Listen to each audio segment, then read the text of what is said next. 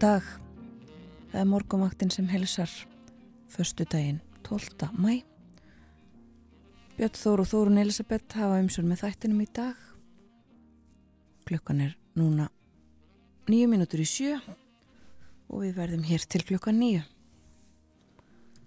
Hugum að veri og uh, nefnum það að uh, fyrir 50 mínútum þá mældist 14 steg að hitti á skjaldingsstöðum fyrir austan og uh, það eru þetta mesti hittin, langmesti hittin sem við sjáum í aðtugunakortinu frá því klukkan 6 14 steg að hitti 6 steg að hitti eins og er í Reykjavík.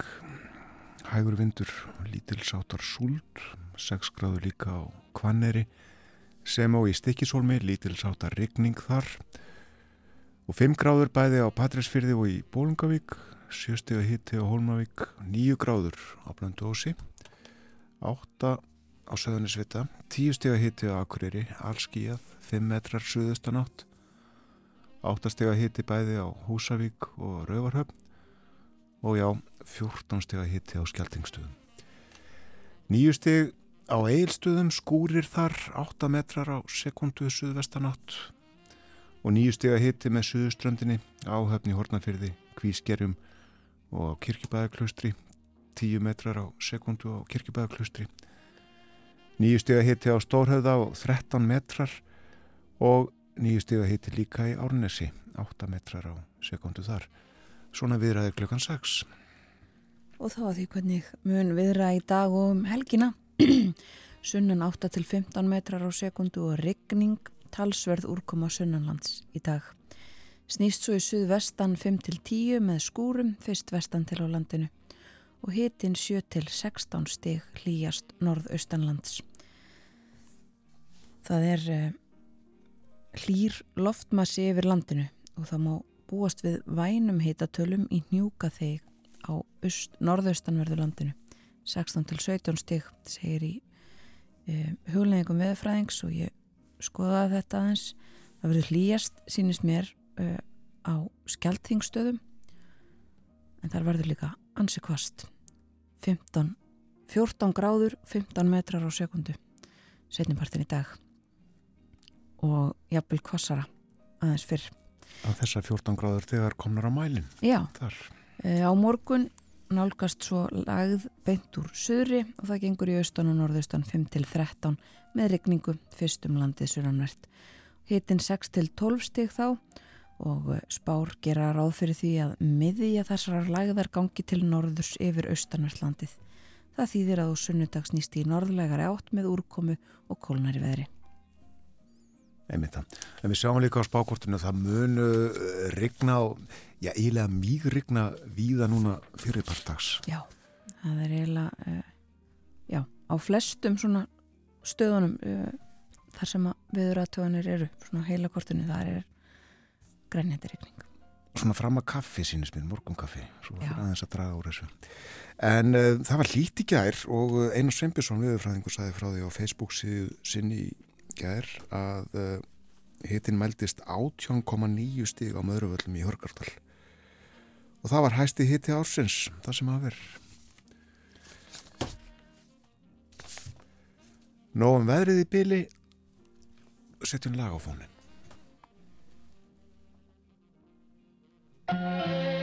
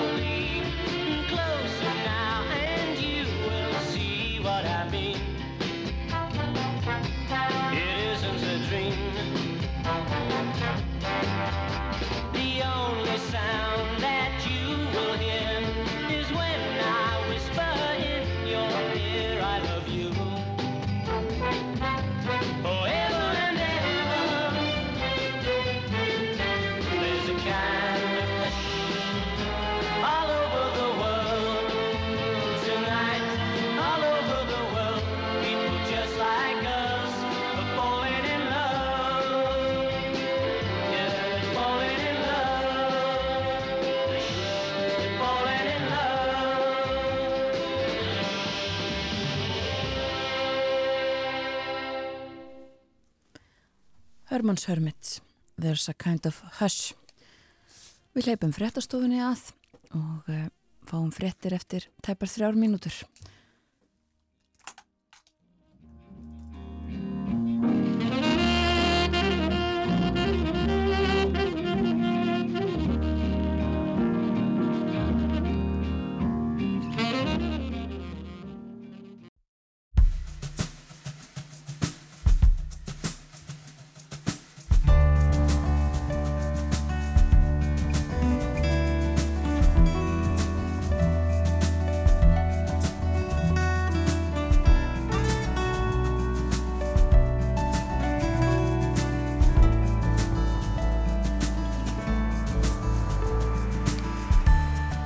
Góðan dag, morgunvaktin helsar förstu daginn 12. mæ.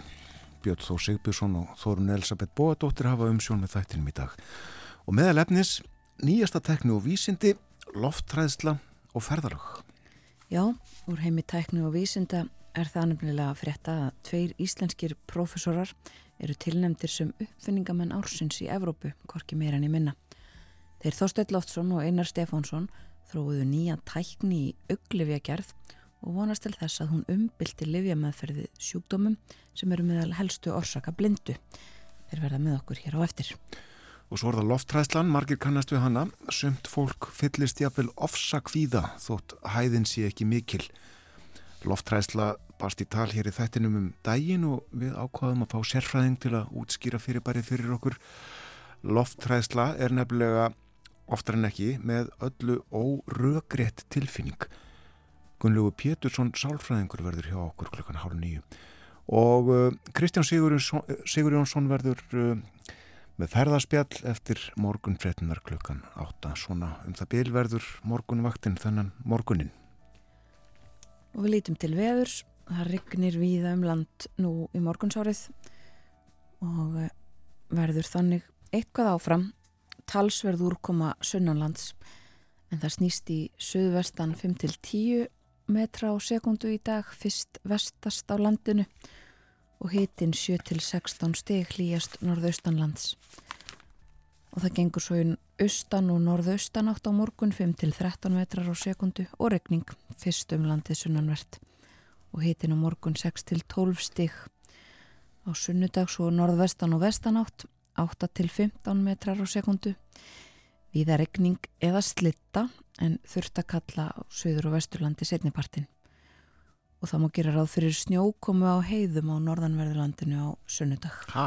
Já, kólunandi veður sannsagt um, og á mánudag norðlega eða breytilega átt og víða slitta eða snjókoma um tíma en regning sunnanlands.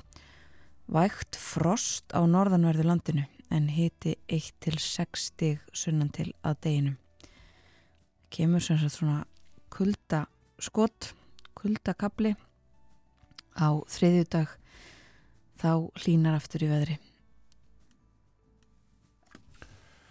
Grundirna gróa þessa dagana. Já, í hitanum og regningunni. Á fórsíðu morgunbladsins er myndafinni Diljá sem söngi Liverpool í gær. Eh, komst ekki áfram og við skiljum ekki hvers vegna nei, en þetta er svona stundum. Vombriði Liverpool eftir frábænan flutning segir hér. Þannig fórum sjóferð þá. Sagt hér á fórsíðu morgunbladsins líka frá uh, áliti lagastofnunar Háskóla Íslands á uh, málefnum, já ég var að segja dónsmálar á þeirra, eða uh, framkvæmt uh, við veitingu ríkisborgararéttar af hálfu alþingis. Og ég hef fér ingangin yfir Jón Gunnarsson, dónsmálar á þeirra, braut ekki þingskapalög með ákvörðun um að útlendingastofnun tæki allar umsóknir um veitingu ríkisborgararéttar fyrir í tímaröð, bæði umsóknir til alþingis og útlendingastofnunar og þetta kemur sem sagt fram í þessari álitsgerð lagastofnunar. Þetta er álitsgerð um hvernig tólka beri lögin sem uh, þarna um ræðir og uh, það var dónsmálar á þeirra sjálfu sem að fór fram á þessa álitskerð. Þetta er mjög afgerandi niðurstaða, segir Jón í samtali við morgunblæðið. En uh, þá eru heilmikið læti í kringum þessi mál í þinginu og uh, lögð fram vantraust tillaga á hendur ráð þeirra en uh, hún var fælt tillaga með vantraust miskilningu segir hér í fyrir svo nú uh, gagnamagn farsíma fer vaksandi ár frá ári. Og uh, svo er hér sagt frá uh, rúsnesku útgerðafélagi sem er uh, með lögheimili og varnaþing í Breitlandi en það er í viðskiptum við landsbankan og hefur sagt viðskiptavinnum sínum að borga rekninga í gegnum landsbankan á Íslandi og þetta er í lagi þar sem að fyrirtækið er skráð á Breitlandi Þetta var svona það helsta sem við nefnum úr morgundaginu þennan morgunin. Það er ímislegt að frétta auðvitað úr heimi eh, eins og auðvölega nefna hér fórsíðun á politíkan í Danmörku þar sem að sagt er frá því að það hefur verið gerð rannsókn um, á gæðum húsnæðis og bara þeirrar barnagesslu sem að yngstu börnunum í Danmörku býðst. Um, og kemur í ljós að það er ekki nóg gott ástand á fjórum af hverjum tíu uh, svona vöggustofum eins og þetta kalla vöggustúur í hérna Danmörsku fyrir yngstu börnin 0 til 2 ára. Sagt frá því að uh, sérfræðingar, foreldrar og kennarar uh, séu mjög áhugifullir vegna þessa þessara niðurstaða. En uh, svo er fjallaðum stöðumála auðvitað eins og alltaf í uh, Úkrænu og Rúslandi á fórsýðum fjöldablada og uh, það er engin undantekning þar á viða í ennsku blöðunum í Svíþjóð og viðar sem fjallaður um þessi mál. Um, meðal annars fjallaðum það að rússar hafni því og neiti að um, Úkrænumenn séu að uh, þeim gangi vel það er þeir séu að, að vinna landsvæði. Það hefur verið sagt frá því að, að Úkrænumenn séu á því og meðal annars þessi yfirmaður þessara, þessara vagnirsveita rúsnesko sem hefur uh, tjáð sig undanfartan daga um, og hann sagði meðal annars að rúsneskir hermen væri að yfirgefa stöður sínar uh, í kringum Bakmút og uh, varaði Pútín Rúslandsforsetta við því hann gæti ekki trist hersöðingjunum sínum og, og fleira og fleira. En uh, rússar þar að segja rúsnesk stjórnvöld, rúsneski herin neytar þessu segir að það sé ekkert ekkert hæft í þessu. Um, og sitt hvað fleira væri hægt að draga fram í tengslu með þetta, við heyrðum auðvitað í frettunum núna áðan, þessar frettir frá Breitlandi um að eh, um að þaðan myndu fara langdrægar flaugar til Úkrænu, þetta er eitthvað sem Úkrænu fórseti Volodymyr Selenski hefur lengi kallað eftir að eh, fá frá Vesturlundum en svo er líka fjallaðan um þá hefur verið sagt uh, frá því að það verði Selenski þetta var í fjölmjölum, ég held að það hefur verið í gær að segja við þurfum að býða þess lengur orðin að við hefum einhverja gagnsókn. En uh, svo líka verða að tala við ímsa sérfræðinga sem að segja Vesturlund mig ekki, mig ekki fara fram úr sér, mig ekki íta um of á Úkrænum en einmitt vegna þess að það sem að Selenski er að segja það er bara allt á rétt uh, það uh, tapa allir á því að fara í gagnsókn gegn rúsum ef að ef að herdeldirnar eru ekki tilbúinur til þess. Nú, svo eru fjölmjölar líka, um, ekki síst í Svíþjóð, uh, með umfjallanir um kostningarnar í Tyrklandi um helgina. Það er verða á sunnudagin eins og við fjalluðum um í, í gær og sænskir fjölmjölar auðvitað með svona kannski sérstakann áhuga á uh, þessum kostningum vegna uh, aðeldar umsóknar svíja að Allandsafsbandaleginu sem hefur verið stöðuð af Tyrkjum, af Erdogan fórsetta og uh, það geti breyst ef að já, eftir úrslitunum í, í þessum kostningum og ég heyrði það í frettum bara núna í morgun uh, utan úr heimi að einn af þessum hínum frambjóðundum uh, hefði sér hlið hætt við frambóð og það gæti verið góðar frettir fyrir uh, ja, vondar frettir fyrir Erdogan góðar frettir fyrir Kemal sem er uh, svona helsti andstæðingurinn líklegastu til þess að uh, hljóta kostningu. Já, uh, vinsælastu frambjóðandin meða við skoðanakannanir uh, núna að minnstakosti. En uh, svo er það ennsku blöðin þar sem að verður að tala mikið um efnahagsmálin í Breitlandi. Það er uh, varað við því, uh, Sælabanki Englands varar við því að, að uh, verðbólgu markmiðum verði ekki náð fyrir 2025 um, og stýrivextir hækkaðir aftur í gær um, þeir eru nú 4,5% þar í landi og uh, fjölmjölar margir hverjir með umfjallanir um þetta afleðingarnar af þessu um, og uh, pólitíkina í kringum það hvað pólitíkusarnir ætla að gera. Lífskjara krísa er orðið sem að þeir nota svo litið breytanir í þessu samingi en líka einhverjar góður frettir uh, verslana keður í Breitlandi lofa því að uh, matvæla verið hafi náð hámarki þar. Já, já. það er að um, lækka á nýjan leik. Þannig að það er eitthvað uh, það er ekki allt, allt slemt og það var hagvöxtur á fyrsta ársfjórðangi svo við förum nú bara alveg alla leið í, í þessi mál. Þrátt fyrir að, að haggerið hafi dreigist saman í mars það voru tölur sem að koma líka í gær. Segjum þetta gott af fréttum utan úr heimi í byli Fjöldluðum hér fyrir vikunni um uh, ofnbæra heimsók fósetta Íslands til fjárðabyðar.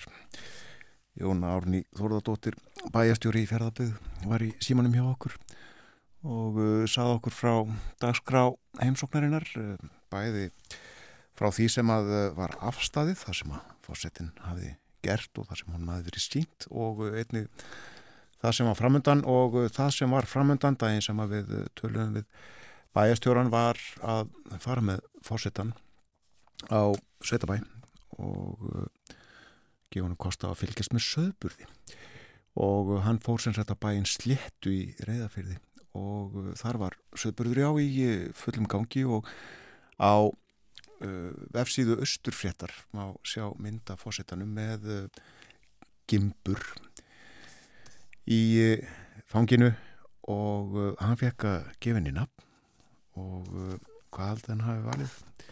Jú, uh, Elísa. Elísa heitir hún uh, í uh, höfuðu fórsetafrúmni. En forveri Guðna í fórsetæðanbættinu, Ólafur Ragnar Grímsson, hann á ámæli á sunnudaginn, stór ámæli verður þá áttræður.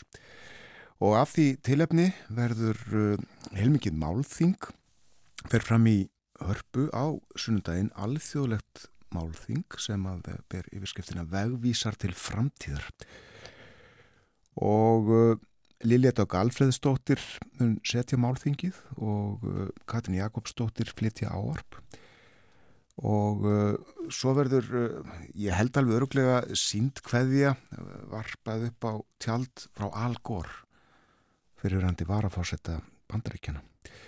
Nú, svo fara fram málstofur, það verður þarna fjallaðum friðar frumkvæði þjóðaleðtúa Það verður einn talað um orkubyltinguna og svo norðurslóðir og uh, fjallaðum þær í tegnslu við lofslagsbreytingar.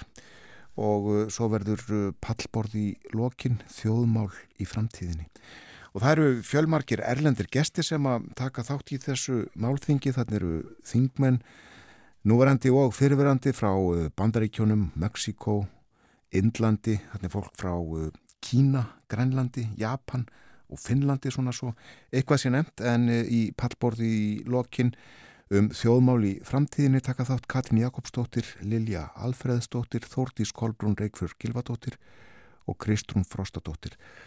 Þetta eru fórustu konur í íslenskum stjórnmálum og eh, umræðunum eh, stýrir Ólafur Harðarsson, professor emeritus við háskólan og loka áarp þessa málþings, þessa alþjóðlega málþings flytu svo Guðni T.H. Jóhannesson fósetti. Þetta verður í hörpunni á sunnudaginn þegar Ólafur Ragnar Grímsson verður áttræður. Hann uh, fættist 14. mæ 1943 og ég fann að ganni til blöðin frá þeim degi.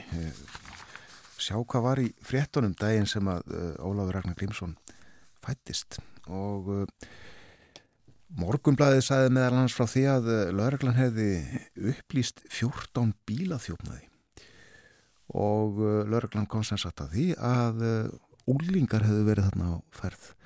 Alls eru 11 úlingar á aldrinum hvað 15 og 16 ára reyðnir við þessi mál en misjaflega mikið. Hér er þó ekki um neitt þjóa félagaræða, heldur að hafa piltatir annarkvort unnið verknaðin einir eða verið tveir, þrýr eða alltaf fjóri saman og þeir hafa alls verið upp í sér að 48 þjófnum. En uh, lögreglan rannsóknar lögreglan hafði sem sé hendur í háriðra og morgunblæðið saði líka frá því að uh, fundist hafði staður fyrir ráðhús reykvikinga Lengi hefur verið um það rætt hér í bænum hvar ætla eigi vantanlegu ráðhúsi stað.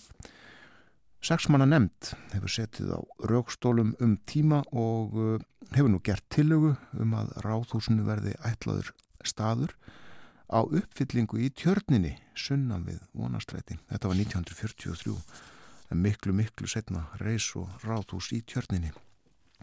Þjóðvilinn frá 14. mæ 1943 Húsnaðiseklan í Reykjavík aldrei tilfinnanlegri ennú.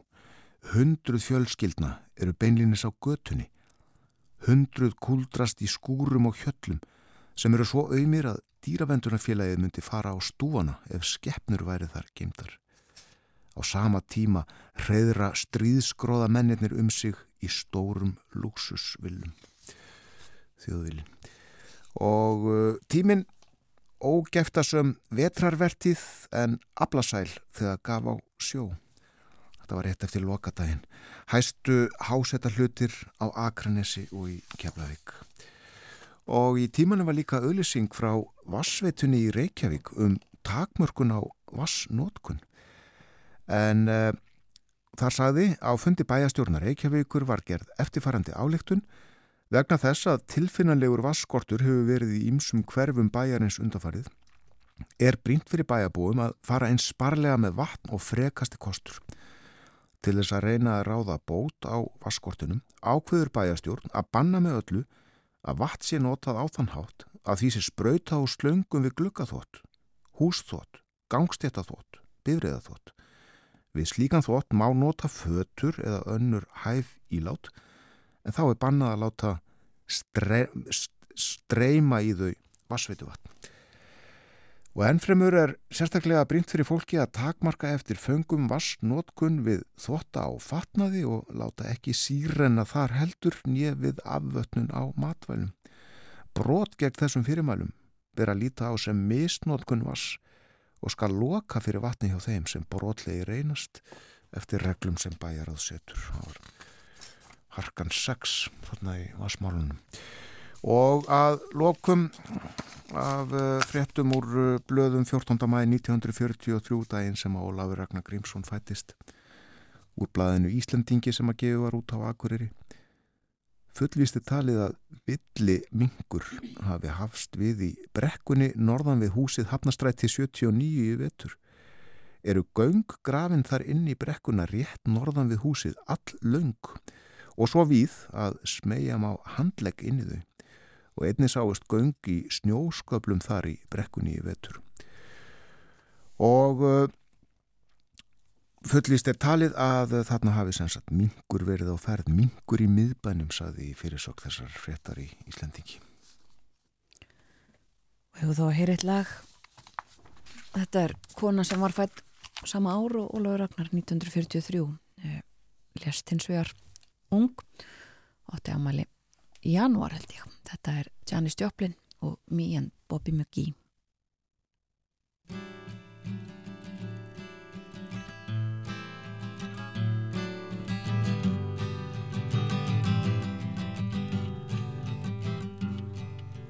Busted flat in Baton Rouge waiting for a train, and I was feeling as faded as my jeans. Bobby thumbed a diesel down just before it rained. It rode us all the way into New Orleans. I pulled my harpoon out of my dirty red bandana, and I was playing soft while Bobby sang the blues. Yeah, windshield wipers slapping time, I was holding Bobby's hand in mine. We sang every song that Daddy knew. Freedom's just another word for nothing left to lose. Nothing, don't mean nothing, honey, if it ain't free. Yeah, and feeling good was easy, Lord. Bobby sang the blues. You know, feeling good was good enough for me. hmm Good enough for me and my Bobby McGee.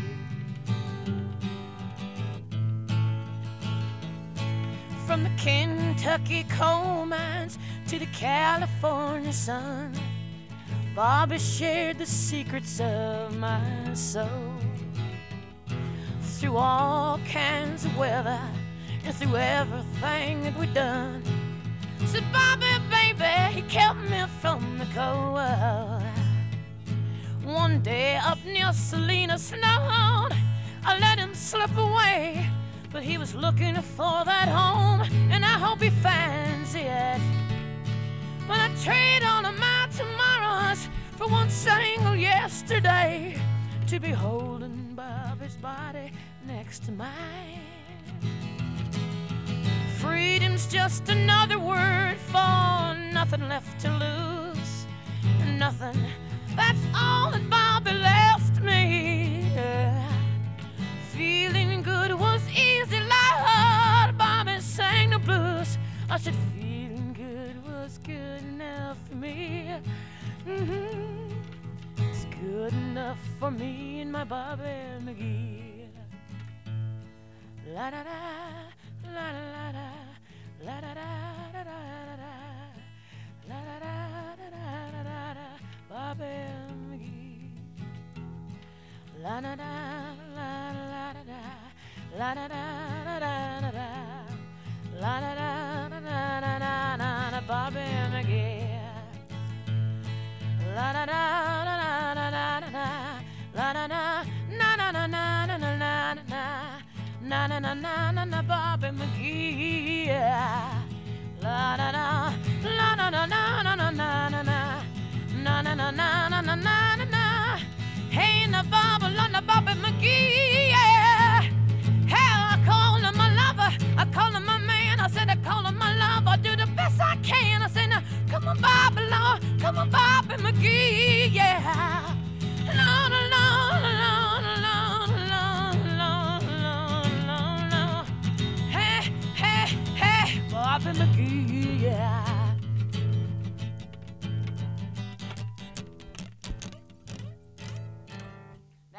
Somebody else has to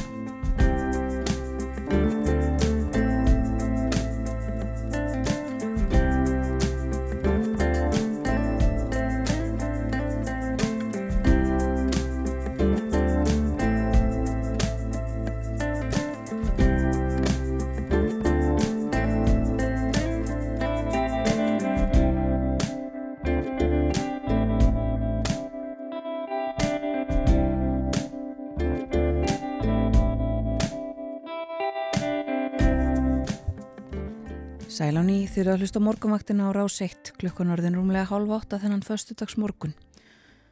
Skulum líta örstnögt til veðurs. Það regnir viða um land og uh, það er lægð stödd við kvarf og skil frá þessari lægð bárust yfir landi sent í gær og uh, bylgja á skilunum þýður aukin kraft í regninguna í nótt og framann af degi í dag, segir í hugleggingum viðfræðings. Það má búast við talsverðri regningu á sunnanverðurlandinu og með fylgir sunnan strekkingur þó reyndar hafi lægt vestast á landinu. Og þessi skil færast til austurs og eftir skilunum tekur við suðvestan góla eða kaldi með skúrum.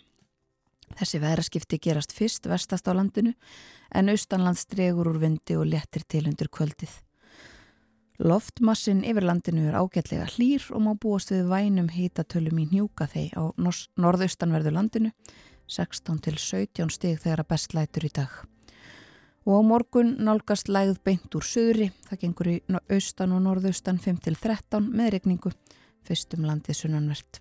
Aðeins kaldara á morgun 6 til 12 stig og eh, svo eins og við nefndum áðan þá er gert ráð fyrir regningu eða slittu á sunnudag, kólnandi veðri, snjókomu á heiðum á norðanverðurlandinu og á mánudaginn vægt frost á norðanverðurlandinu og hitin 1-6 stig sunnan til að deginum. En svo hlínar á ný á þriðju dagi næstu viku eins og spáin er núna. Við minnum á það að Kristján Sigur Jónsson Breitstjóri túrista verður með okkur hér eftir morgunfréttina klukkan átta. Hann segir okkur frá því helsta í ferðamálunum og svo undir lókþáttarins þá verður með okkur Gunnlegu Pétursson sálfræðingur. Hann ætlar að tala við okkur um loftræðslu. Hún barst í tali þættinum fyrir nokkru, er að fjallað um útsýnispall eh, á, í Seyðisferði og eh, loftræðsla er forvitnilegt fyrirbæri. Við forvitnist um það hér og eftir. En nú að öðru. Við nefndum þetta hér í morgun. Eh, tveir íslenskir profesorar, profesorar emeritus, eru tilnemdir sem uppfinningamenn ársins í Evrópu, hvorki meirann í minna. Það eru þeir Þorstill Loftsson og Einar Stefánsson. Þeir þróuðu nýja tækni í auglifja gerð og eh, eru tilnemdir sem uppfinningamenn ársins í Evrópu uh, sem fyrir segir eru komnir í úrslitt rannsóknir þeirra og þeir eru komnir hinga til okkar á morgunvangtina velkomni bóðu tveir Takk fyrir. Takk fyrir og til hamingi með uh, þetta Mm. ég ætla að byrja á að byggja ykkur um að áður en að við förum í að útskýra hvað nákvæmlega þetta er sem að þið hafið uh, uh, verið að gera og eruð uh, tilnemdir eða þessi uppfinning sem þið eru tilnemdir fyrir og byggja ykkur fyrst um að segja okkur frá því hvernig ykkar samstarf og, og samvinna hófst af því að það er kannski ekki augljóst um, annar í auglækningum og hinn í livjónum, ekki satt Jú, jú, við Þorstein byrjuðum að vinna saman fyrir uh, meira en 30 árum síðan.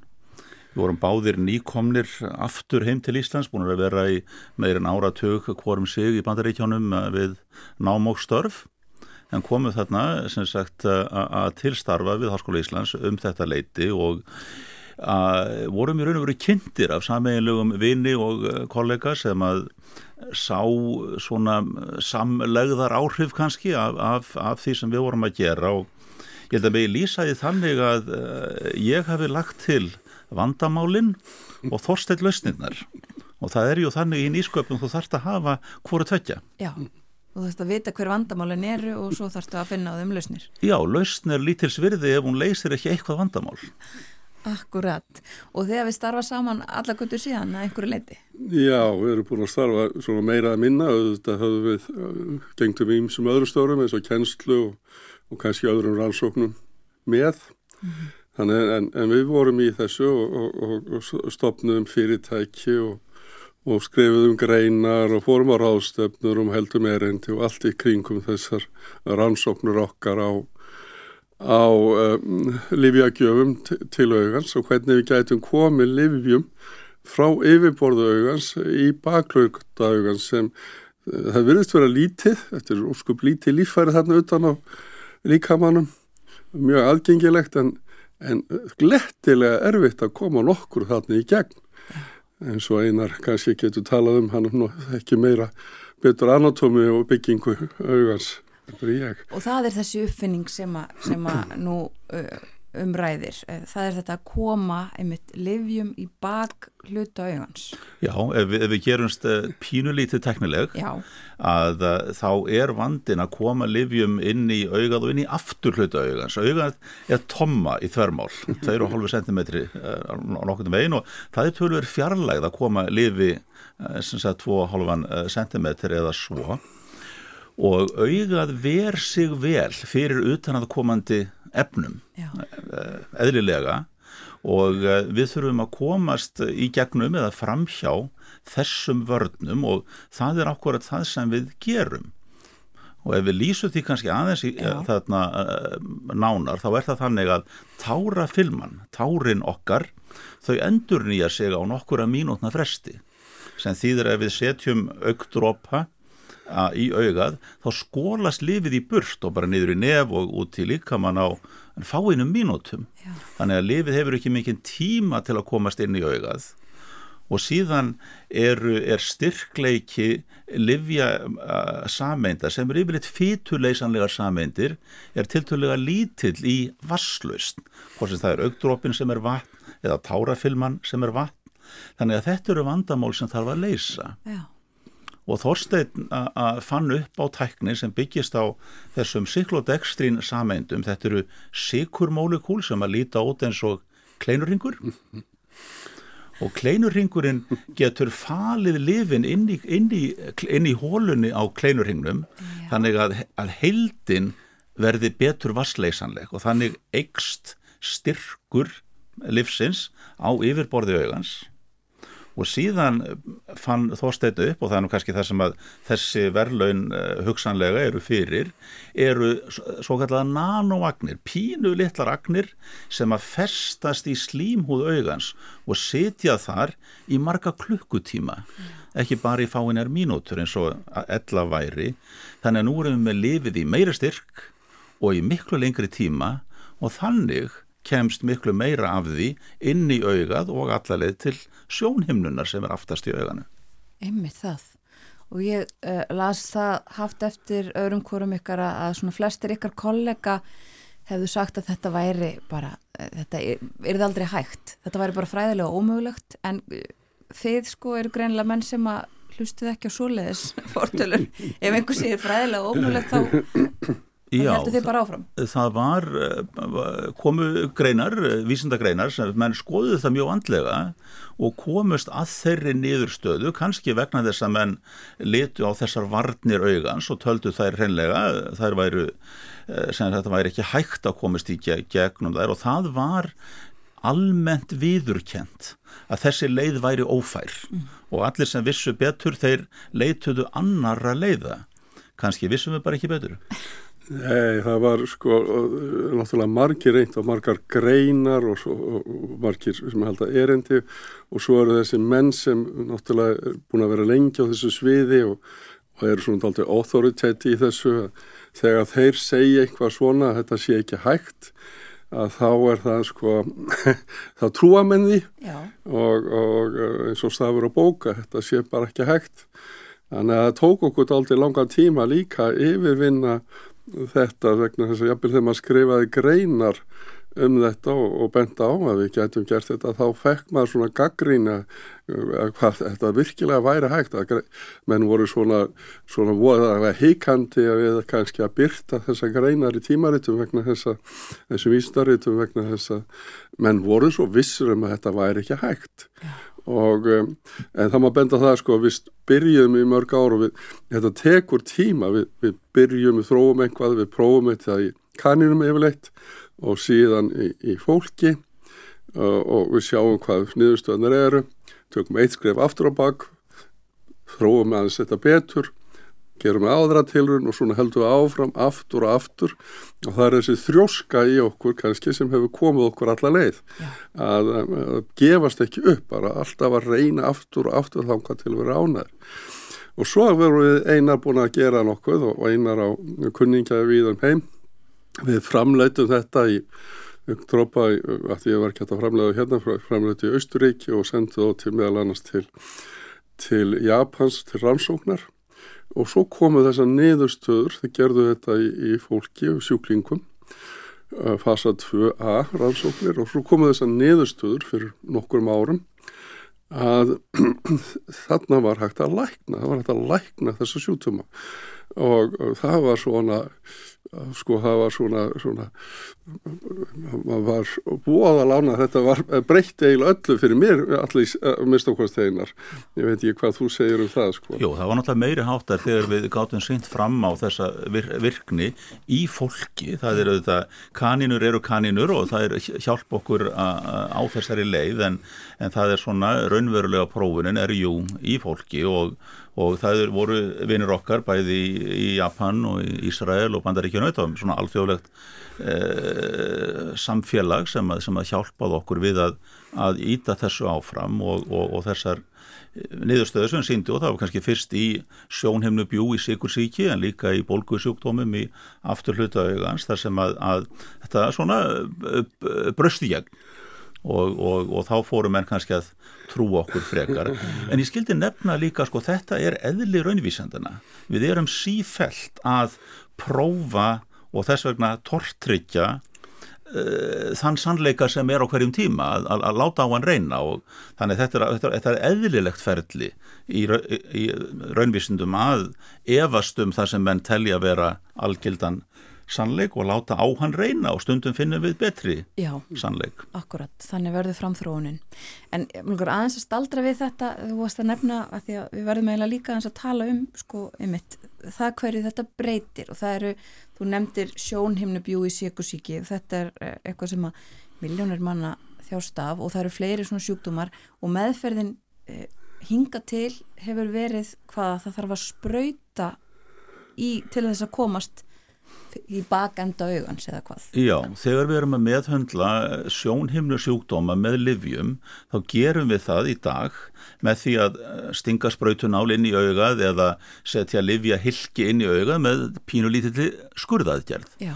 og uh, við gerum þetta 10.000 sinnum á ári á landsbytalanum, þetta eru kannski 50 manns á dag að fá svona meðferð aðalega við hörnun í augbotnum, líka við síkur síkis auksjúkdómi og, og fleiru. Mm -hmm. og uh, við erum nú ekki að segja að, að, að spröytunar munu leggjast af, alls ekki en við erum að bjó, bjóða upp á eða munum bjóða upp á innan, innan nokkura missera á, á valkost, það er að segja að þessi ekki bara spröytunar sem er í kosti sem eru kostur heldur sé þá líka annar möguleiki á livjögjöf til baklutu augans og á, á það eftir að vikka út líka. Mm -hmm. Og það er þá væntanlega einfaldari framkvæmt. Það það er einfaldara, það er sársöka minna, minni óþægindi að setja í sig augdrópa. Þetta er líka eitthvað sem að sjúklingunum getur gert sjálfur Já. og það munar heilmiklu bæði, við getum sagt hjá okkur að sleppa, uh, þurfum ekki að taka sér frí, frí í vinnunni og fara á, á, á spítaran til að fá þetta, en það er líka ekki, ekki hef, hefur ekki síður áhrif kannski í, í stærri löndum og í, í þróunarlöndum þar sem að fólk hefur hreint og beint ekki aðgang að skurilæknum læknum og, og þeirri svona, já, hátækni þjónustur sem að, sem að svona spröytur eru. Akkurat, já. Eh, það er ekki allir með aðganga að eh, helbriðstjónustu heima beigð eða, eða nálat sér. Nákvæmlega og, og aðgang bara yfirleitt. Yfirleitt, ymmit, ymmit.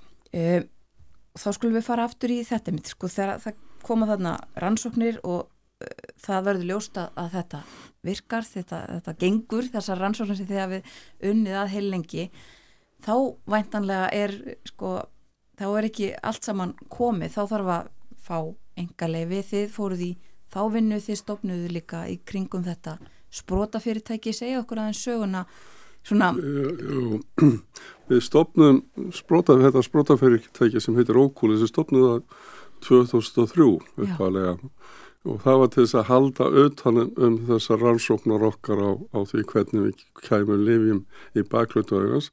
Það var líka til þess að reyna að afla peninga til rannsóknuna, það er eins og styrkir, Evropastyrkir og annað slíkt sem við getum sótt um í gegnum fyrirtæki og fengið þess að þessi styrkir eru aðeins herri heldur en, yfirleitt heldur en þar sem við fáum svona persónlegi styrkir. Já það var ger, gerði við og, og, og við gáttum fleitt okkur svona áfram meðal hans uh, flóti framleðaugdrópana þar til gerðir í Vesmíðu og uh, sendt þá og láti rannsaka þetta. Og uh, komust svona aðeins áfram og við sóttum um enga leifi þá líka. Að það er heilmikið mál að, fyrst þarf maður að, að gera uppkast sjálfur og, og rannsaka þetta og síðan verður að, að fara til enga leifis lögfræðinga og við völdum að fara með þetta til enga leifis lögfræðinga í bandarækjunum sem fór yfir þetta. Þeir spyrja spurninga og uh, laga til umsóknuna og síðan er hún lögðinn og um, síðan uh, komumst við að því að, að við vorum búin að gera þarna fasa 2a rannsóknir en við nú þurftum við að gera miklu starri rannsóknir sem kostuðu ég, með, kannski svona 50 miljón dólar eitthvað slíkt fasa 2b og um, það var bara ekki nokkulega að finna nokkra styrki í, í svoleiðisverkefni þannig að við urðum að leita til fjárfesta og um, þá fengum við innlenda fjárfesta, það var brunnur og meðal annars sem byrjaði. Og við einar undurbjökum síðan fyrirtæki fyrir, fyrir erlenda fjárfesta, við töluðum FTA, það var mjög minnistætt þegar við tveir profesorar úr háskólanum settist inn á hjá FTA og þar sátum við og svo voru svona kannski 20-30 sérfræðingar frá FTA sem fóru gegnum rannsóknar áallin okkar og og sögðu okkur annarkort þetta væri gott eða þarna þurftum við að bæta við sjúklingum, bæta við hundum, þetta gera tóksrannsóknir hundum og, og svo framins er verið að sögðu okkur nákvæmlega hvernig við ættum að halda áfram. Og þegar við vorum komið með þetta þá var þetta að gera fjárhásáallun og síðan að ganga til, til um, fjárfesta og það verði að segja eina var miklu dugleiri heldur en ég að tala við fjárfesta, mjög duglur. En við fórum stundur saman og, og, og vorum til dæmis mann eftir í, í nokkur dögum í San Francisco þar sem við hlupum á milli fjárfesta í grenjadrygninga og, og JP Morgan sem er stór fjárfestingar ástöfna sem er aldinn þar í januar ár hvert. Og ímislegt svona sem við gerðum. Já og svo allt í hennu þá er uh, haft samband við okkur frá það sem kalla Novartis Venture Fund sem er sjóðu sem Novartis í flífa fyrirtækið á. Og þeir vildu kanna, uh, kanna þetta með, okkur og þeir komu og þeir fóru gegnum all skjölun okkar, alla það rannsóknar sem við gert og við fórum út og töluðum við þá. Og svo í, ég held að það verið í november 2017 að þá var skrifandu samning við og þá eh, raun og veru það sem gerist að fjárfæðstatnir þeir eh, taka yfir fyrirtækju og hann að koma þá inn uh, menn sem voru, hefðu starfað hjá Novartis mjög mikið. Framkvæmdastjóri núna fórstjóri fyrirtækins Ókulis er fyrirverandi fórstjóri hjá, hjá Novartis og, og svo og langi telja.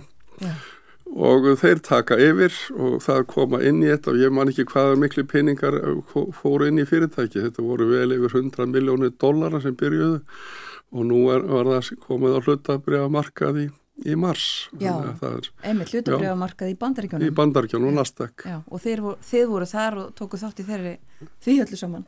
Jújú, jú, við Já. vorum í eh, New York og skemmtum okkur alveg konunglega. Þetta var náttúrulega óskaplega gaman að, að, að upplifa þetta og og gaman að, sagt, að, að íslensk vísindi eh, sé að komið þarna í, í, í miðju, mið, miðju ringuðunar. Akkurat, þetta eru alls konar upplifanir sem þið eruð að segja okkur frá uh, sem að ímynda sér að þið hefur kannski ekki, ekki séð fyrir þegar þið hófið þessar rannsóknir. En einn þessar upplifana verður svo væntanlega í júli þegar að þessi uh, uppfinninga uh, verlunin fyrir uppfinninga menn ársins í Evrópu verða veitt þau sögðu mér það hérna áður við fórum í loftið að það er líka, það er bara svona eins og Óskarsvælunaháttíð. Já, mér sínist eiginlega að það sé bara líkt eftir því, það eru tilnefningar og við erum uh, meðal þryggja sem eru tilnefndir í okkar flokki. Já, og kannski ég skjóti því þá eina það eru 600 Uh, sem að koma upphálega til greina. Nákvæmlega, í þessum, í þessum flokki, í þessum flokki. Og, og síðan verður í, uh, í uh, byrjun júli í Valencia þá verður svona ein, ein, eins konar Óskarsháttíð og mér skilst að við munum setja þar út í sal og naga neklunar og, og, og komast að því hvort að við verðum fáum svo þessa útnefningu, það er að segja verðum fáum velunin Já.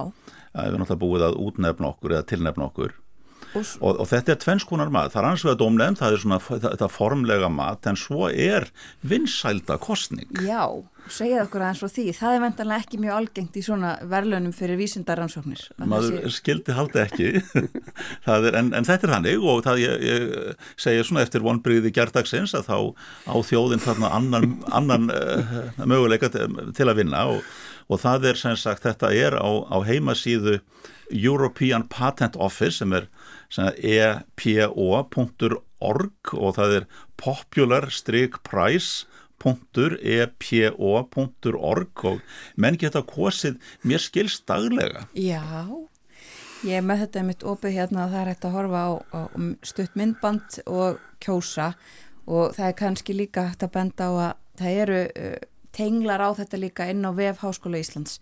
Það er hægt að finna bæði þessa verðluna afhendingu í beinu streymi, það verður hægt að horfa hérna, hérna heima og kjósa líka og það eru uh, tenglar á það líka eins og þú segir, uh, eftir, eftir vonbriði gerdagsins þá getum við uh, svona farið að einblýna á þetta, 4. júli verður þetta Þegar að, þegar að Guður lokar dyrum þá, þá opnar hann glugga.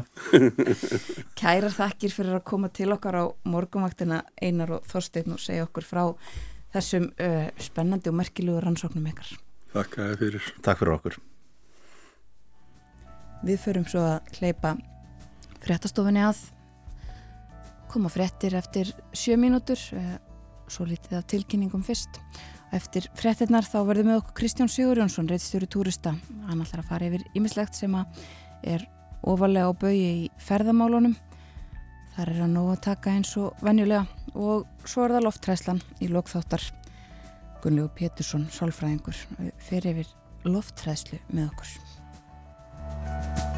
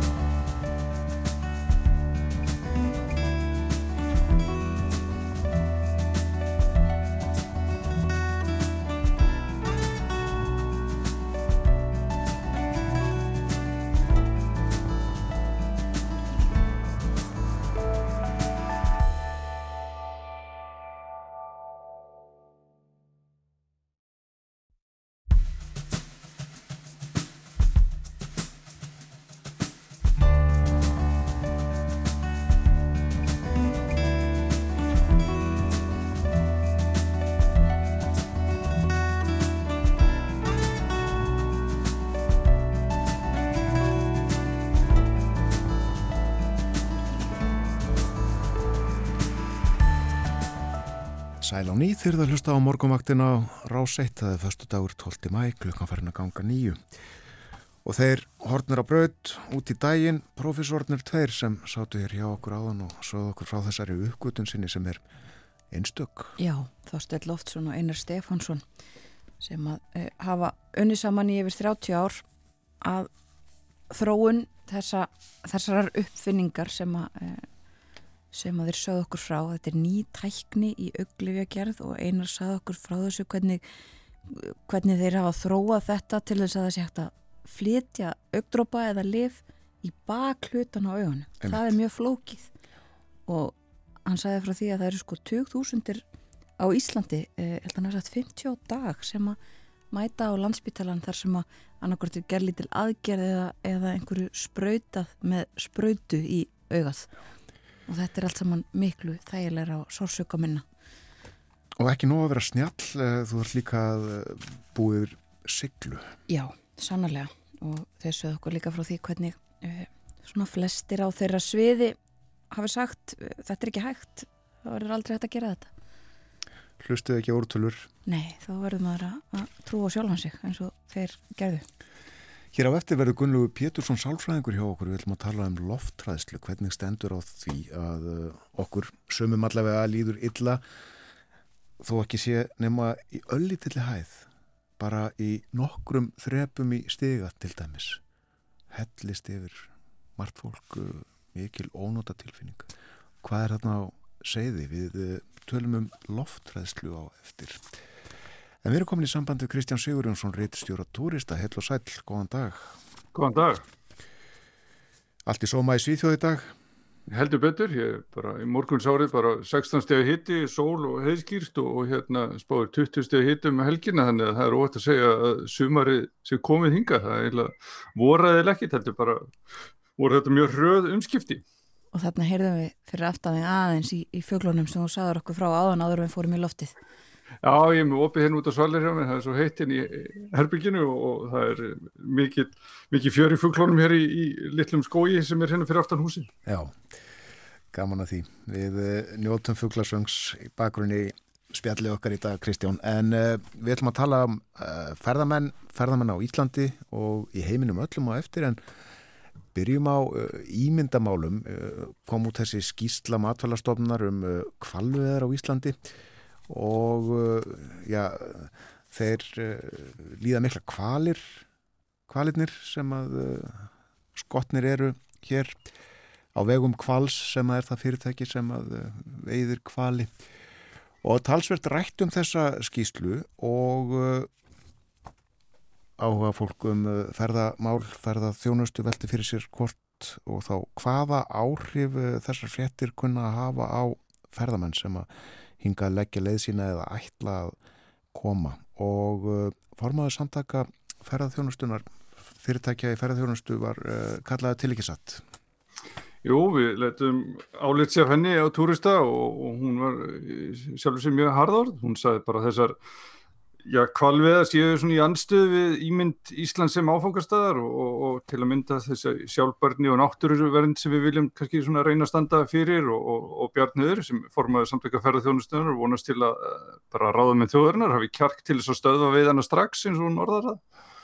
Og þetta er hérna í sjálfur sér það ákall sem hefur svona heilst úr ferðarþjónustinni Já, líka í fyrra þegar veðanar hófust að nýju og, og, og svo aftur núna í, í kjölfar þessarar skýslu að það þetta sé svona, já, hafi skadalega áhrif á kannski ímynd landsins en, en sko þetta hefur kannski ekki áhrif á fjölda ferðamanna per sé í árið á næst ári sínismanni, það er alltaf ströymi fólks til landsins en það er kannski ekki verið að horfa svo sérstaklega til þess heldur bara þessi skýsla náttúrulega sínir fram á að það hefur verið að mörka lífi úr korfunum og þetta er kannski við, svona, við sem þjóð kannski hvort að við getum réttlægt þetta svona gagvart eh, já, öðrum þjóðum bara við sem íslendikari og svona kannski bara bursið frá ferðarþjónustinni þá er það svona spurningin sem að verður að spyrja sér líka og, og hérna því að sko efnahægslu rökin fyrir þessum veiðum virðast vera mjög takmarkuð eða, eða engin. Já, við erum svo sem ekki einum að veiða kvali en kvalvegar eh, hafa verið stundar hér um árabil með hljöfum auðvitað. Er einhverja vísbendingur um að það hafi haft áhrif á afstöðu ferðamanna eða, eða fólks almennt til Íslands? Nei, ég er ekki svona eins og bent hefur verið á og þeir sem eru svona fylgjandi þessu kvalveðum hafa verið að vísa í að það, þeim fækkar ekkit ferðamannunum á Íslandi svona yfir höfuð en, en svo er þetta bara spurningin sko hvort að það gerist á bara í daginn að þetta verði hérna alltjóðlegt neyksli eða, eða, eða hvernig það endar. En, en við vitum það allavega að sko eru náttúrulega að gera út á kvala skoðun viða um land og, og, og þetta er kannski og það er vinsæl aðþreying hjá ferðarfólki þannig að það þetta svona passar ekki sérstaklega vel saman að standa í, í kvalviðum við hliðina á, á, á, á þessarum túrisma í sjálfu sér sko, og, og eins og ég sagði aðan það þessi, þessar veiðar eru svona efnaðislega ekki kannski réttleitanlegar eins og, eins og staðinni núna því markaður fyrir kval, kvalgjöt er, er mjög takkmarkaður. Kvala skoðun er mjög uh, blómlegur atvinnuvögur ekki satt? Jú, jú, við sjáum til dæmis bara Húsavík, hvað hva kvalaskoðan skiptir miklu máli fyrir uh, atvinnulífi þar og, og, og svo er náttúrulega Reykjavík og Akureyri og víðar, þannig að þetta er, uh, og maður sér það í konunum að það eru margir ferðarmenn sem sækjast einmitt í, í þessa afþrengu þegar þeir eru á ferðarlægi um landi, það er að fara út og, og skoða kvali, þannig að, að það er alveg ljóst að þetta er hluti af, af aðdráttarafli Íslands sem áfokastæðu fyrir ferðarmenn víðum heim kvalurinn gefur meira af sér lifandi heldur en döður. Já, ég held að mér sé óta að segja það. En uh, þá um ferðamennina sem að uh, hafa komið til landsins, uh, það er eitthvað nýtt minnstur, er það ekki svona þegar raður saman þjóðum heimsins? Jú, ég er svona eins verið að skoða þetta betur hérna hvernig þetta ár byrjar og, og, og það er nokkuð áhugavert að sjá að sko vægi bandarískra og breskra ferðamanna er að aukast ennþá meira. Sko fyrstu fjóra mánuði ásins var var næst í annar hver ferðamæður annarkort með brest eða bandaríst veðabrjöf, sko, 49% sem er svona nokkur aukning frá því sem var hérna fyrir heimsfaraldur. Bandaríkjumenn hafa vissulega alltaf verið mjög fjölmennir í hópi ferðamann á Íslandi og, og breytar líka í áspyrjun en, en nú er þetta orðið ennþá meira, þannig að Það er ljóst að svona áhættu dreifing íslenskar ferðarþjónustu, hún hefur versnað, það er að segja, við hefum þá ennþá meira undir þessum tveimur þjóðum komið og, og sérstaklega bandríkjumannum og maður sér það líka bara fyrir komandi sumar að það verður gríðalegt frambóð og flugi millir bandaríkjana og Íslands og, og það er sérstaklega bara á vegum Æslandir uh, og, og Play eins og Delta flugfélagið með líka flug og United en, en, en íslensku félaginn gera mjög út á bandaríska markaðin og, og bandaríkjaman streyma til Íslands og verða já, kannski já, hátt í já, meir en þrýðjungur þeirra ferðamanna sem heimsækir Íslandi í sumar og jáfnvel meira en, en, þetta eru náttúrulega verðmætti ferðamenn þeir eru eigða miklu og hérna, bandaríkjamanninu sérstaklega en en þeir stoppa kannski ekki sérstaklega lengi, þeir eru náttúrulega stutt sumafrí í bandaríkjónum og, og, og svona þær kannanir sem ferðamálastofa hefur verið að gera svona síðustu sumur sína náttúrulega að, að bandaríkjaman halda sér kannski meira svona, á höfuborgarsvæðinu og, og Suðurlandi heldur en margir evróskir ferðamenn sem fara þá víðar um landi, til dæmis eh, frakkar, þjóðverður og, og ítalir eru kannski meira á ferðalagi hringin í kringulandi meðan að þessir hérna, bandrækjumenn og, og breytanir eru meiri í kringum höfuborgarsæði sem er náttúrulega sjálfsögur ekki góð þróun. Nei, já bandrækjumenn er með uh, nokkuð djúpa vasa segiru. Já, það verðist vera hafi, og sérstaklega núna þegar uh, gengi dollars hefur verið mjög stert í, í tölverðan tíma þá er náttúrulega útlitt fyrir að þeim þykir kannski svona já, aðeins ódýrar í Evrópu í dag en það var fyrir nokkrum árun síðan en, en verðla á Íslandi hefur náttúrulega alltaf verið hátt en, en það verður þá aðeins svona skapleira fyrir banderísku ferðamennina núna og, og mikið af þessum svona dýru ferðum sem að Íslensk hverðarþjónusta selur, til dæmis mjög fíngisting og, og, og afþreying og þess áttar að þetta er oft uh, sterkast í kúnahópurinn þarna eru, eru bandaríkjaman, þannig að þetta er skiptað gríðalegu máli fyrir Íslenska hverðarþjónustu, það er skiptað, já, engum blöðum um það að fletta en, en það er svona, má spyrja sig hvort að vægið er að sé kannski að verða of mikið. Já, það er þannig í bandreikinu það ekki að ollásrétturinn er ekki uh, góður og hér og víða uh, í vestur Evrópu. Þeir fá bara, hvað, tvær, þrjár vikur yfirleitt í sumafrýrið, það ekki? Jú, jú, og, og þetta er náttúrulega, sem sagt, þá takmarka kannski uh, ferðir þeirra uh, utanla, til útlanda, þar að þeir stoppa ekki eins langan tíma og, og fara ekki þrjár vikur til Mallorca eða Tenerife, en, en hérna, en eigða þá tölurverðum meðan þeir eru á ferðinni en, en þá erum við að tala um svona almennt en við sáum það svo sem á árónum sko 2017 og 18 þegar Íslandir og Play voru í miklu kapplöp í bandaríkjónum og voru að opna nýja áfókastæði eins og Cleveland og St. Louis og Cincinnati, kannski borgir sem eru ekki þekta fyrir að vera miklar heimsborgir að þá streymdu bandreikjamennin til landsins en, en þeim var vist mörgum hverjum brúði þegar þeir sáu svo hvað það kostaði að dvelja landinu, þeir káttu flóið ræjóttir til Íslands en, en svo komist þeirra því að það var dýrt að kaupa sér að borða og, og hérna njóta þess að vera ferðamöður á, á Íslandi. Já. Ferðamenn, eh, bandaríkjumenn þeir ferðast annars mjög mikið innanlands eh, bandaríkinu þetta rísastórt land og, og það er margt að sjá og skoða. Já, já, og það er náttúrulega síndis í heimsfaraldrinum að bandarísku flugfélagin þeir náðu að halda út í töluverðurum rekstri því að það var bara innanlandsflugið var mjög mikið en á sama tíma voru evrósk flugfélagi miklu meiri vanda því að þau svona þurftu að þurfa að fljúa miklu oftar yfir landamæri. Þannig að hérna, jú, jú, bandarískur ferðageri hefur verið blómlegur en, en, en þar, er, þar í landi eru er svona svo sem er margir að klóra sér í kollinum yfir því sko hvernig eh, ferðaminstrið er, er að breytast, það er að segja að það eru fleiri og fleiri sem þurfu ekki að mæta á, á kontorinn alla daga vikunar og, og, og eru að hérna, koma sér frá þessum dýru þjættbílistöðum og, og hérna reyna komið sér upp ykkur skonar lífi eh, þar sem er aðeins ódýrar að búa og ekki eins langt til vinnu. Þannig að þetta er svona, það sér maður í umræðinni í Vestanhars að flugfélögin þar er að reyna að stíla sín á þennan hóp fólk sem getur blandað saman vinnu og ferðarlögum og, og þá til þess að vera í lengri tíma. Þannig að það, heimurinn er að breytast svolítið. Já. Við hefum fjallað um þetta áðurum mitt en uh, aðeins um heimsfaraldurinn uh, uh, það sem var, var skellt í lás eiginlega allstaðar meðan á honum stóð eru jafnmargir á ferðinni núna og þarna árið áður en að hann skall á?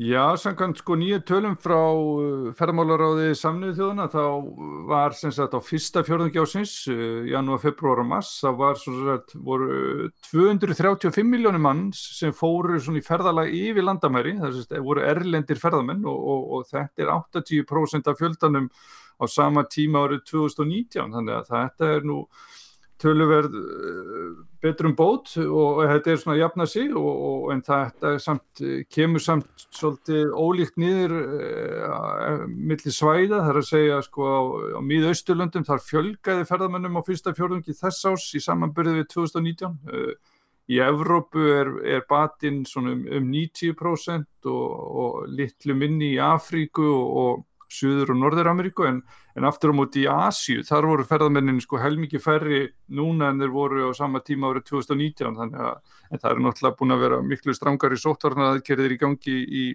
já, í löndum eins og Kína og, og Japan núna síðastlegin vetur heldur en, en hafa verið í Evrópu og þetta hefur þar að lendi dreyja tölvert úr fjölda erlendra ferðamanna í þessum löndum og, og, og það segir nú í þessari skýslu ferðamálar á saminuð þjóðana að það séu svona vísbendingar um að, að fólk sé ekki eins viljugt til þess að fara í, í ferðalöf til fjarlægari landa núna eins og það var áður. Það er, fólk haldi sér svona meira í sinni heimsálfu. Já, nærslónum Akkurat, uh, segjum þetta gott af spjalliðum ferðamál ferðalög, eigum við Kristjána aðtöða hvort við getum hér í lokin heyrt aðeins meira söng sænska svartþrastarins? Hann er kannski þennan einhverstað, vísu var hér að hlaupa hér í gardinum á þann, þannig að hann kannski fælir það frá en, en við sjáum til. Nei, hann er þagnaður. Nei, alveg þögn núna, við erum feimnir. Kæra þakki fyrir þetta Kristján. Takk sem leðis Kristján Sigurjónsson, reitt stjóri túrista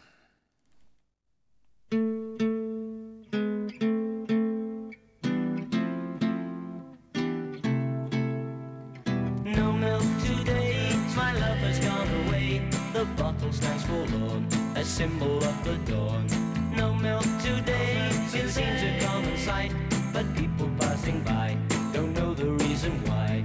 How could they know just what this message means? The end of my hopes, the end of all my dreams.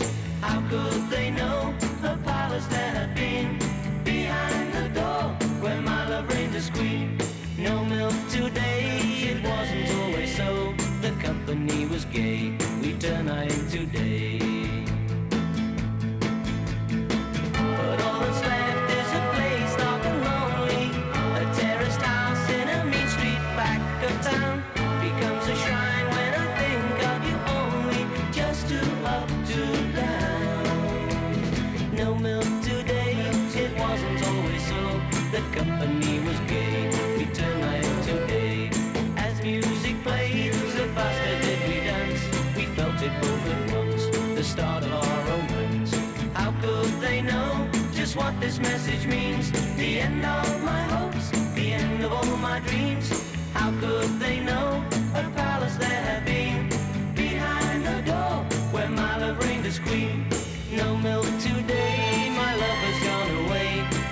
Bottle stands for a symbol of the dawn. But all the time is a place dark and lonely A terrace house in a mean street back of town becomes a shrine when I think I'll only Just too up to down No milk today my love has gone away The bottle stands for a symbol of the dawn no milk today. It seems a common sight, but people passing by don't know the reason why. How could they know just what this message means? The end of my hopes, the end of all my dreams. How could they know a palace there had been behind the door where my love reigns as queen? No milk today, it wasn't always so. The company was gay.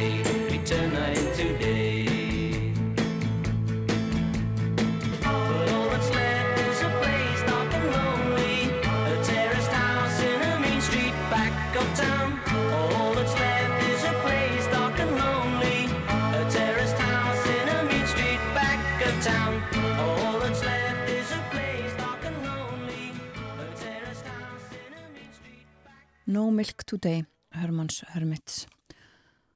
Líkum þetta lag eftir spjall við Kristján Sigurjónsson, reittstjóra túrista. Hann rætti um eh, kvalveðar og um ferða ferðamannaströmin bæði hingað til Íslands og í heiminum almennt. Það er í kringum helmingur ferðamanna hingað, brettar og bandarækjumann. En við minnum svo á það að hér á eftir þá ætlum við að ræða um uh, loftræðslu hjá okkur verður Gunnlegu Pétursson sálfræðingur, hann er að koma sér fyrir hérna hjá okkur er að tala um loftræðslu og uh, útskýra þetta fyrirbæri og það hvað uh, gerist í hausnum okkur af hverju söm okkar eru loftrætt kannski líka af hverju söm okkar eru það ekki og sé eitthvað fleira. Gunnlaugur verður með okkur hérna eftir smástund. Það er þess að dagskráni á alþingi í dag, það er ekki, ekki fundir, ekki eh, fundur á þingi, það er nú yðurlega svo á förstugum en það eru nefndardagar bæði í gær og í dag og eh, fundir í fjölmörgum nefndum núna í morgunsárið og svo líka eftirháttegi og eh, svo eftir helgina að þá er nú gert ráð fyrir að það verði þingfundir eh, einhverjir en svo eru það heimsóknir.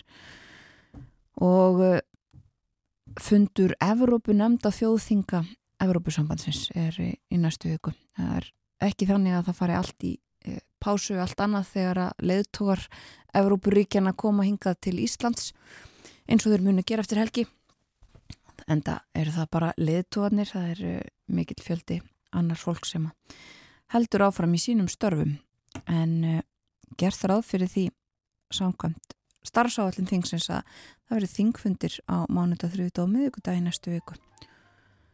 Þingmenninir munu þó eins og aðrir eiga erfiðara með að komast á milli staða að minnst okkar stá bílum. Það verður og má búast við umförða töfum viðast hvarum höfuborgarsvæðið næstu daga fólk hvati þess að ferðast með öðrum hætti og svo þetta er það þarna svæðið í kringum hörpu sem verður algjörlega lokað frá mánutaskvöldi og uh, á fram á miðvöggudag verður ekki opnað aftur fyrir að leðtóðanir verða farnir. Þeir fara held í flestir með enga þóttum uh, fara á Reykjavík og fljóðalli Við leipum fréttastofinni að frétta yfirleitt eftir tæpar 5 mínútur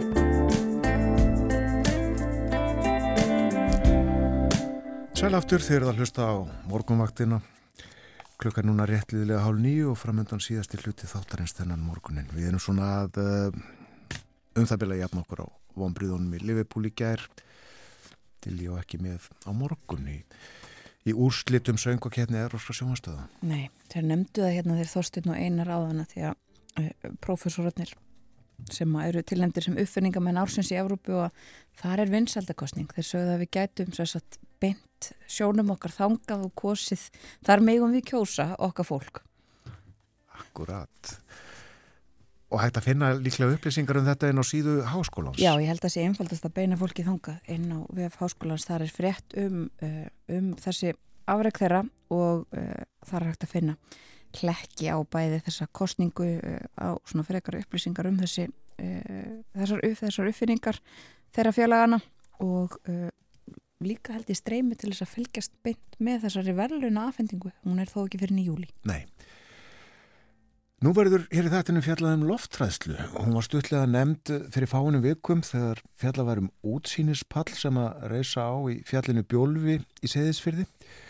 Það er ekki fyrir loftrætta að standa á útsýnispalli hátt hátt uppi á fjalli.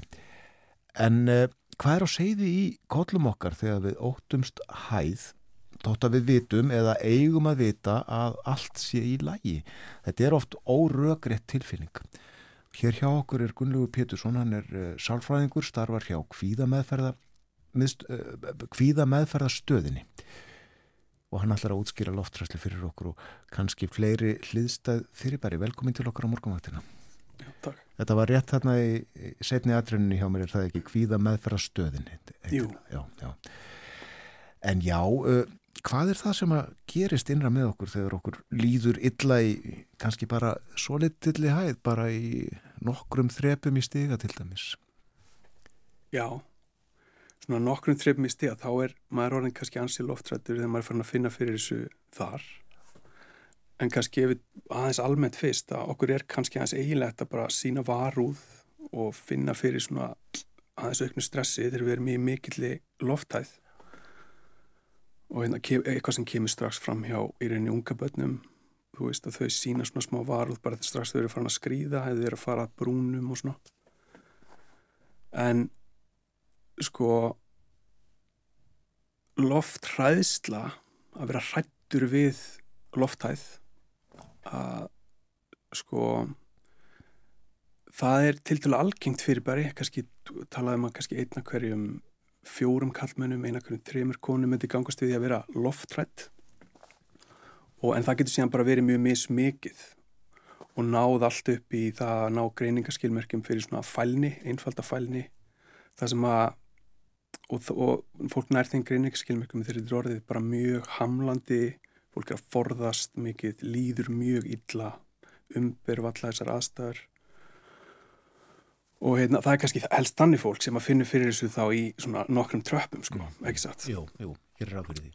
og þú spyr hvað er að gerast sko stuttasvarið er náttúrulega bara það að maður er hrættur og fólk, og mjög oftast, oftast hrætt við að detta og að hluta til hefur þetta verið tengt við svona jafnvægis kerfið okkar eitt sem er að gerast hjá okkur. Við höldum jafnvægi meðal annars út frá sjónskinjun og þegar við erum komin í mikla hæð þá er það sem við erum að horfa á er orðið mjög langt frá. Og þá verður aðeins öðruvísi fyrir kerfið að svona stilla jafnvægið út frá sjón áreitum og það sem gerist nýttið þeim skilurum er að spennast meir upp svona vöðvar í stóðkerfinu og þegar kannski fundi fyrir því ef þið finnir fyrir loftræslu Gerir það. og hérna og það er eitt sem gerist, það gerist einnig svolítið hjá öllum. Um, en þeir sem eru loftrættir þeir hafa tilhengu til að upplefa þessa tilfinningu og tólka þessa tilfinningu sem merkjum að þau sé að fara að missa jafnvægið og detta. Og verða þar að leiðandi rætt, það kviknar á kvíða viðbræðinu og þegar það fyrir í gang þá spennast vöðvar ennþá meiri upp. Og þá getur það aukið þessa tilfinningu? Bara ég er að fara að detta, ég er ekki að fara að halda jafnvægi. Fætur spennast oft mikið upp og geta skolfið. Fólk getur upplifað líka svima í svo ástandi og fyrst það að vera merkjum að þessi að fara að detta.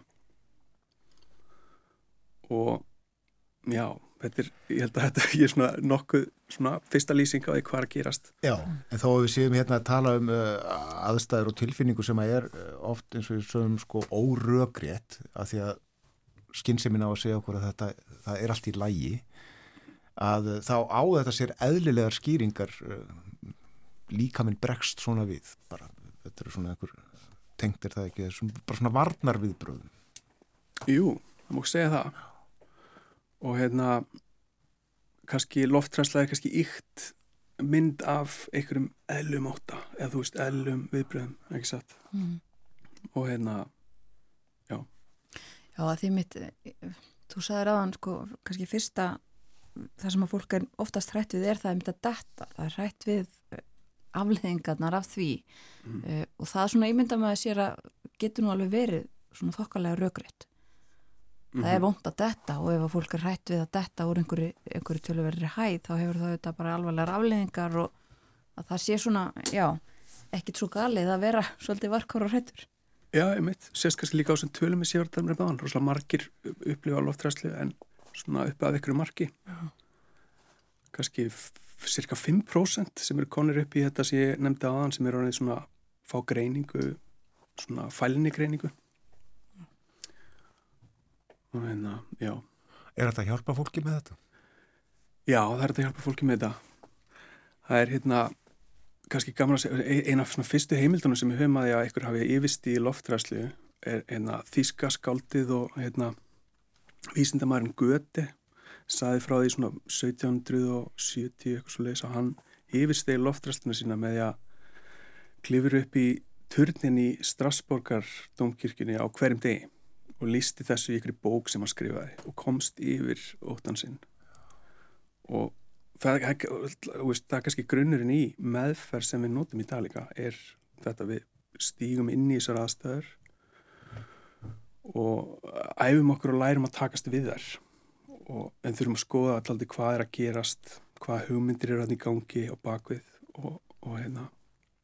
Þannig að jú, það er svona grunn meðferðin svona berskjölduna meðferð þar sem við erum líka að skoða svona hvað hugmyndir eru í gangi og vinna síðan með það að stíga inn í þessar aðstæður endur tekið og, og yfirstíga þannig óttan svolítið. Já. Þetta er svolítið viðhaldi með forðun, fólk með loftræslu forðast yfirleitt og fólk með svona fælni almennt forðast mjög aktíft það sem það óttast Já.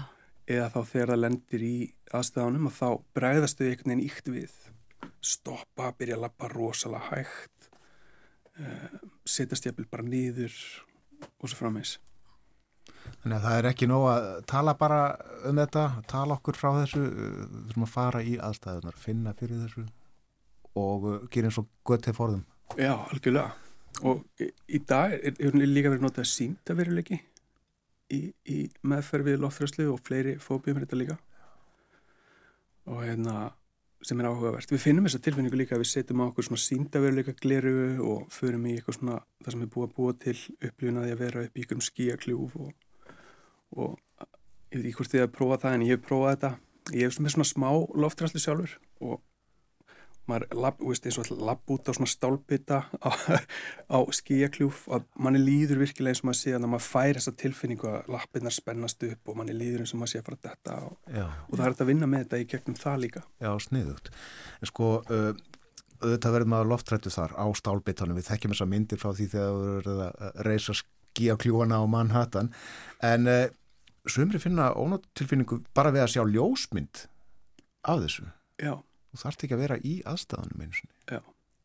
Það er kannski ofta að gerast þegar fólk er mjög loftrætt fyrir og er kannski með þá er orðin kannski bara mjög svona sterk svona skilirðing á hvíða kerfinu hjá okkur með þetta. Þannig að jafnvel bara mynd af hári hæð bara triggerar þessa tilfinningu. Og hérna það á líka við um aðrar svona fóbíur eins og dýrafóbíur, kongulær veist, slöngur og annað. Fólk átt bara mjög erfitt með að horfa myndir af þessum hlutum og bara fær mjög mikinn kvíða við það bara að horfa mynd. Þau vita að þetta er bara mynd og hausin alveg raukrétt veit að það er ekkert að fara að koma út um myndinni eða engin hætt á því staðar en samt triggerast þetta. Merkilegt. Sko, og lofttræsla er eh, eitt og þú ert búin að nefna kannski ímislega svona hliðstætt með einhverjum öðrum hræðslum eða fóbíum um, en flughræðsla og lofttræsla er ekki sama fyrirbærið en geta verið tengt eða hvað, hvernig er það? Já, einmitt. Það er, það er náttúrulega ekki saman fyrir bara að flug, kannski margt sem kemur inn í flughræslu að hérna, flug, úst, það sem er að gerast yfir fyrir mig flugvél er með, við erum að fara inn í lokarými, sumir sem að forðast að fljúa er með innlokana kent þar, finnst það óþægilegt. Hrættir við að fá kvíðakast í flugvélni og afleðingar af því. Uh, margir hrættir við að flugvélni bara munir reynilega rapa og farast náttúrulega. En svo getur líka lofttræðst, þeir sem eru lofttrættir, þeim getur fundist mjög óþægilegt að vita af því að þeir sé í svona mikilli hæð. Uh, margir með lofttræðsli, ég hef hitt fólk með lofttræðsli sem er hrætt við það bara að vera á fymtu hæð í byggingu, bara vita að þau eru á fymtu hæð. Það, það er óþægilegt, sko. Sérstaklega að þau sjá út um glugga eða eitthvað slúðis. Já. Og þannig að lofttræðsla getur blandast inn í flughræðsli þannig, sko.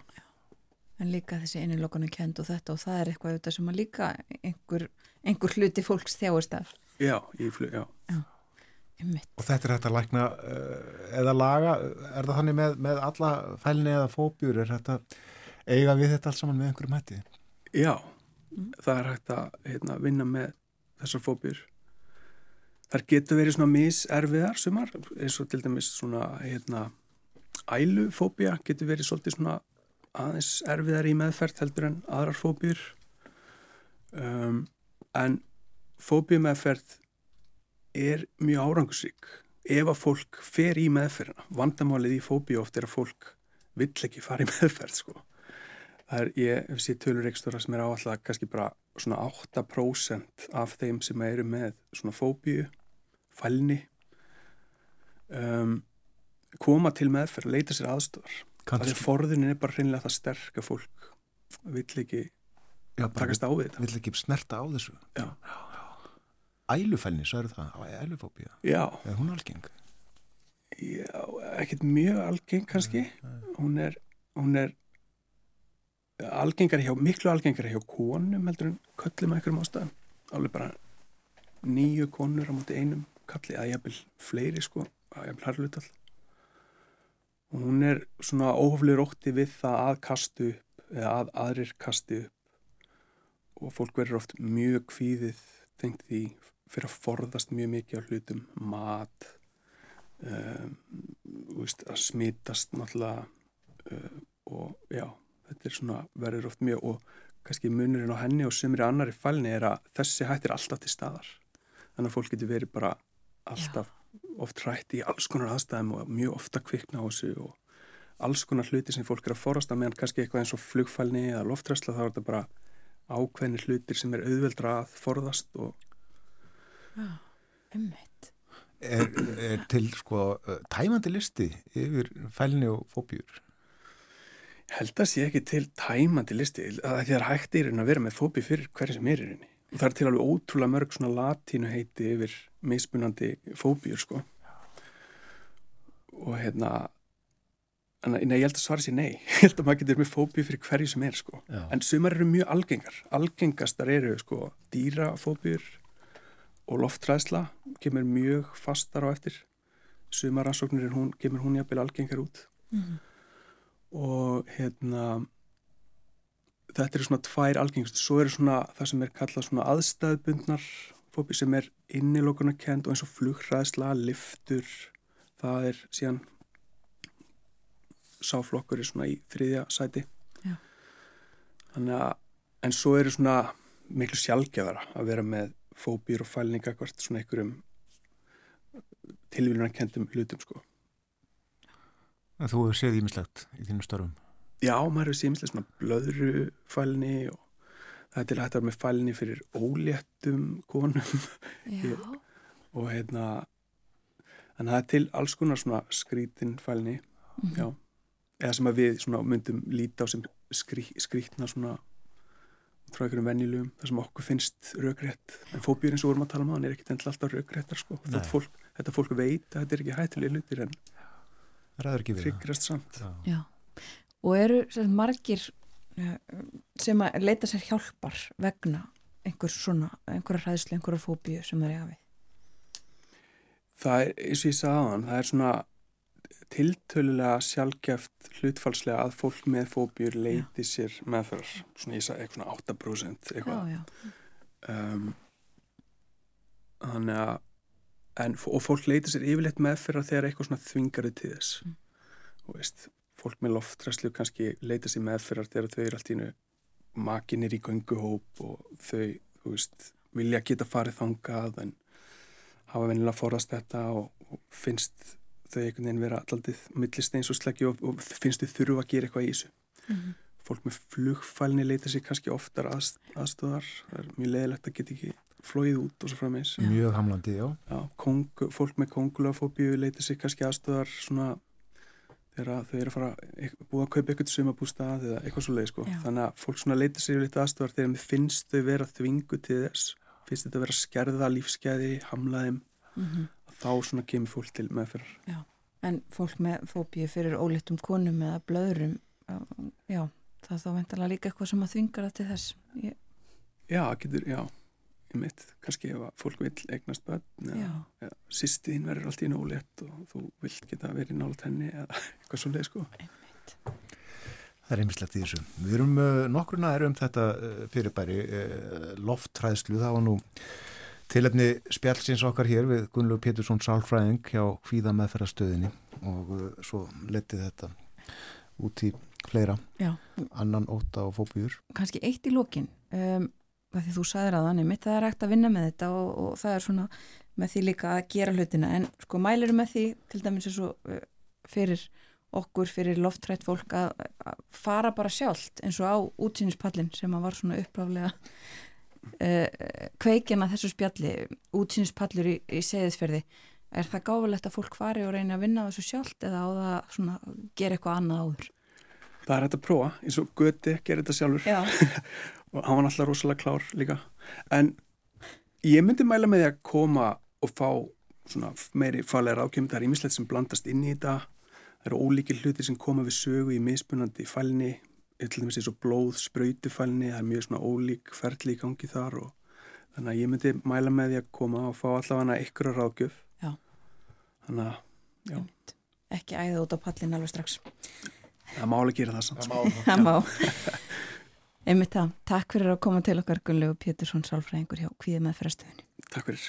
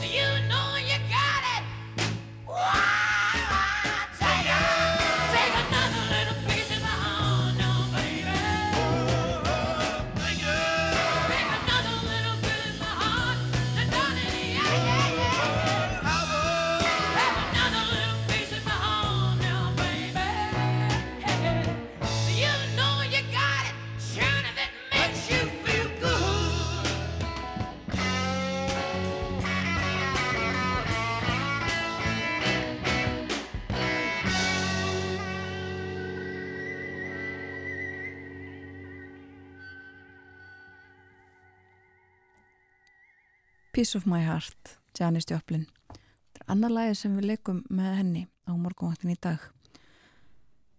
Hún var jafnaldri Ólafs Ragnars Grímssonar fyrir verðandi fórseta Íslands sem við myndumst á hér í morgun. Uh, það verður málþing á sunnudaginn í tilöfni af áttræði samæli hans. Já, heilmikið málþing í hörpu. Vegvísar til framtíðar er yfirskriftin og uh, þarna verður fjallaðum friðar frumkvæði þjóðarleitoga, það verður fjallaðum orkubildinguna og uh, norðurslóðir og loflasbreytingar. Ólafur Ragnar Grímsson áttræður á sunnudaginn. En þessu er lokið, eða að verða lokið hér hjá okkur á morgunvaktinni í dag og þessa viku. Við höfum rætt um ímislegt byltingakenda meðferði auksjúkdómum.